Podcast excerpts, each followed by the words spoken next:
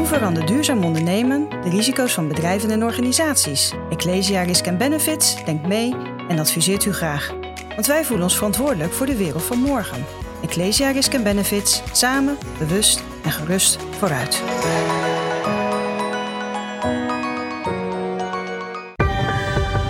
Ecosofie wordt mede mogelijk gemaakt door Renewy. Renewy. Minder nieuw, meer renew. Want afval bestaat niet. Het klimaatdebat gaat een nieuwe fase in. In het verleden eh, is er, was natuurlijk heel veel aandacht voor de vraag van is er überhaupt klimaatverandering? Nou, op een enkeling na is dat nu wel, eh, die discussie is klaar. De tweede fase ging over de vraag van ja, wat zijn nou eigenlijk effectieve maatregelen? Wat kunnen we eigenlijk doen aan klimaatverandering? Nou, ook daarvan weten we nu min of meer wel wat in ieder geval op korte termijn uh, te doen staat. En wij zeggen van ja, er is nu eigenlijk een derde fase in de discussie. Nu gaat het over de vraag van ja, wie gaat alle kosten betalen? Want die maat, klimaatmaatregelen, en dan gaat het niet alleen om, het, eh, het, eh, om mitigatie, om het, om het beperken van de CO2-uitstoot, maar het gaat ook om adaptatie. om het meebewegen met de onvermijdelijke klimaatverandering die we gaan meemaken, of nu al meemaken. Maar het gaat ook over klimaatschade. Hè, er gaat grote schade komen door extreem weer. Dus dat zijn drie eigenlijk dossiers met, waar heel veel kosten aan verbonden gaan zitten. Kosten voor om lastenverhoging of voor subsidies of schade. En wij zeggen, de grote vraag voor de komende jaren moet ook zijn, hoe gaan we die lasten op een eerlijke manier verdelen? Ja, want zonder eerlijkheid geen beleid uiteindelijk. Dan, nou, en, en waarom, met, waarom, is dat? Omdat we zeggen, als je dat niet doet, uh, krijg je geen draagvlak. Ja, dat hebben we gezien met de G-lijstje, die jullie ook veelvuldig aanhalen in het rapport. Dat uh, als je zomaar de CO2-prijs omhoog gooit zonder na te denken over eerlijkheid en dat mensen niet meer naar hun werk kunnen, dan uh, ja. ja, stopt het toch. Dan is het beleid niet uitvoerbaar. Nou, de G-lijstjes in Frankrijk zijn het, denk ik, het beste voorbeeld van waarom dit belangrijk is. Hè. De, opstand van de G-lijstjes in 2018 begon in reactie op een klimaatmaatregel. De Franse regering heeft toen voorgesteld om een dieseltax in te voeren. Een extra verhoging van de dieselprijs.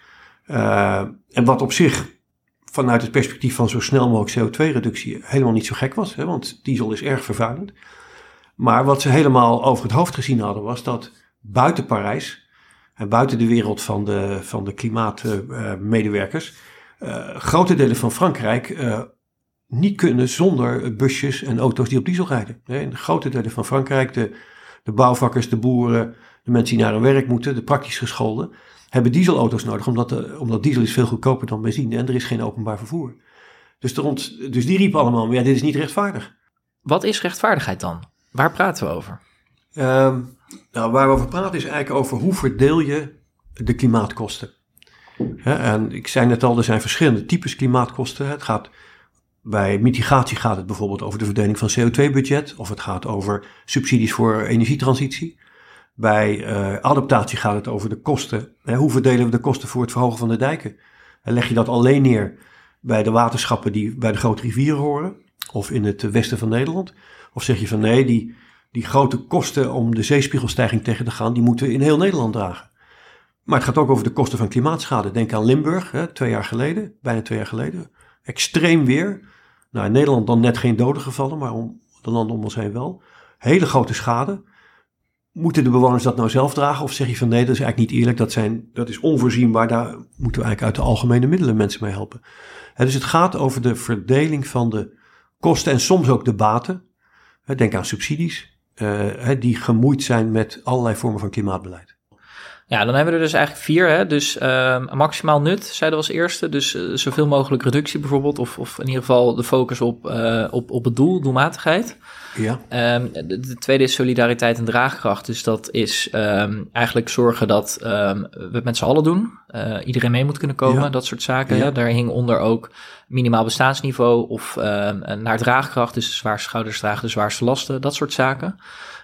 dan zitten we met cluster 3... Um, uh, welke was dat ook weer? Uh, dat, hè, dat is verworven rechten, eigen ja. verantwoordelijkheden, zeg maar. Dus dat is wat meer gericht op het individu. Ja. En ja. het laatste cluster gaat over belonen en uh, ja, eigen beloning en profijt noemen het. Hè? Dus ja. dat, daar wordt je, daar speelt mee wat je eigen gedrag is geweest. En, en daarvoor je, word je voor beloond of niet. Ja, en ik denk dat dit ook best wel... Uh, ik heb ooit een serie gemaakt over politieke ideologieën binnen deze podcastserie dat er best wel van deze clusters ook te plakken zijn op verschillende stromingen. Hoe zou jij dat zien als we het nou hebben over sociaal-democratie, eh, christendemocratie, liberalisme, sociaal-liberalisme, een beetje de hoofdstroming die we nu zien, wat gangbaar is binnen de politiek? Ja, het utilisme, de eerste komt uit het utilisme, wat natuurlijk een, een ja, vooral uit de 19e-eeuwse liberalen, hè, Mill en Bentham's liberaal. De tweede, draagkracht en solidariteit, komt ik uit de sociaal-liberale hoek, dus die past beter bij de sociaaldemocratie of bij GroenLinks D66.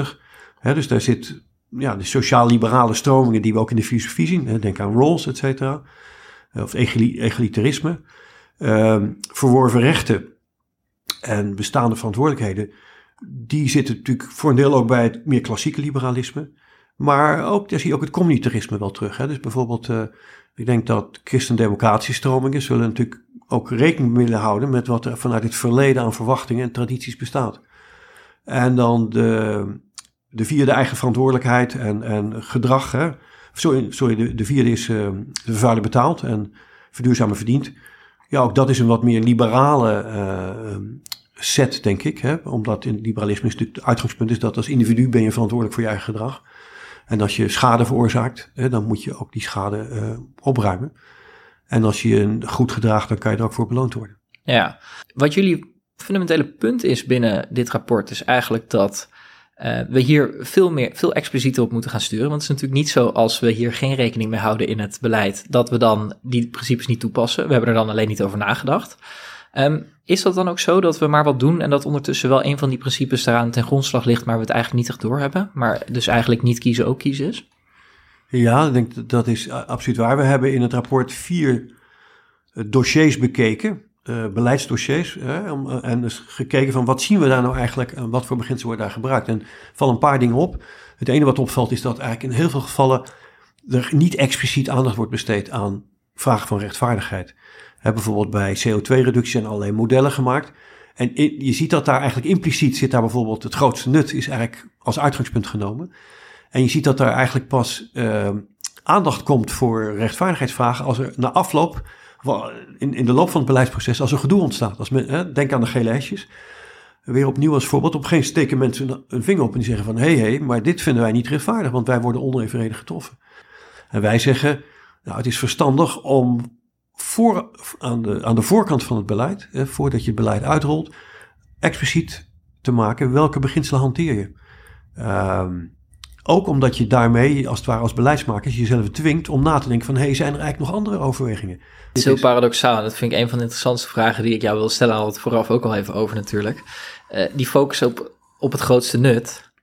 Um, die zorgt er dus in veel gevallen voor, en dat is, uh, de gele hesjes zijn daar het meest exemplarische voorbeeld van, denk ik, dat het grootste nut niet bereikt wordt. En dat als je die andere principes mee gaat nemen en je het wel rechtvaardig doet, dat de output of uiteindelijk het resultaat veel groter is. Ja, ja dat is een heel interessant punt. Hè. Je hebt hè, de maximale opbrengst, zoals wij het noemen.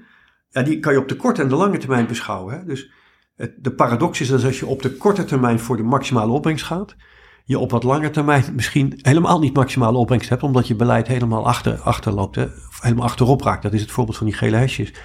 En omdat ze voor, wat is het, korte termijn gewin is katten, kattengespin, hoe heet dat Nederlandse spreekwoord? Ja, weet ik niet precies, maar ik denk dat iedereen snapt wat jij, uh, wat jij dus, bedoelt. Dus wij zeggen, um, juist als je van tevoren iets meer de tijd neemt om een gebalanceerde overweging van rechtvaardigheid mee te nemen, dan zal je dat op de lange termijn uh, helpen om meer resultaat te krijgen, omdat je dan een veel meer gedragen beleid krijgt. Ja, en dat is wel interessant, want jullie zijn inderdaad ook de straat op te gaan, uh, bij wijze van spreken. Hè? Jullie hebben een enquête uitgezet onder de 2300 mensen en die was vrij consistent met ander onderzoek wat je al zei. wat vindt de burger dan rechtvaardig? Want dat is ook weer uit te splitsen dat op het moment dat je dus praat over die mitigatie, adaptatie, reparatie, die drietak, dat dat ook weer verschillend is volgens mij. Hè? Ja, dat, dat is denk ik ook een hele belangrijke conclusie. Hè, dus dat is niet één beginsel van rechtvaardigheid wat altijd geldt bij klimaatbeleid. Het hangt heel sterk af van het soort dossier. bij, uh, uh, bij mitigatie is de, vervuiler betaald. Zal door veel mensen wel acceptabel worden gevonden. Maar we zien dat draagkracht en solidariteit eigenlijk het hoogste scoren bij de meeste burgers. En zeker als aanvulling op bijvoorbeeld uh, de vervuiler betaald. ook hetzelfde geldt voor grootste opbrengst. Mensen zien wel dat grote opbrengst belangrijk is. Maar hebben vaak toch erbij van ja, maar dan moet het wel uh, niet de draagkracht van mensen te boven gaan. Hè? Dus je ziet dat ook burgers eigenlijk vrij genuanceerd denken. En dat het ook, ehm, en ook bijvoorbeeld bij eigen verantwoordelijkheid, ook daar zie je dat burgers zeggen, er is een grens aan. Hè, bij, die, bij die enorme, bij die klimaatschade, hè, uh, boven een bepaalde grens kan je niet meer zeggen dat is je eigen verantwoordelijkheid.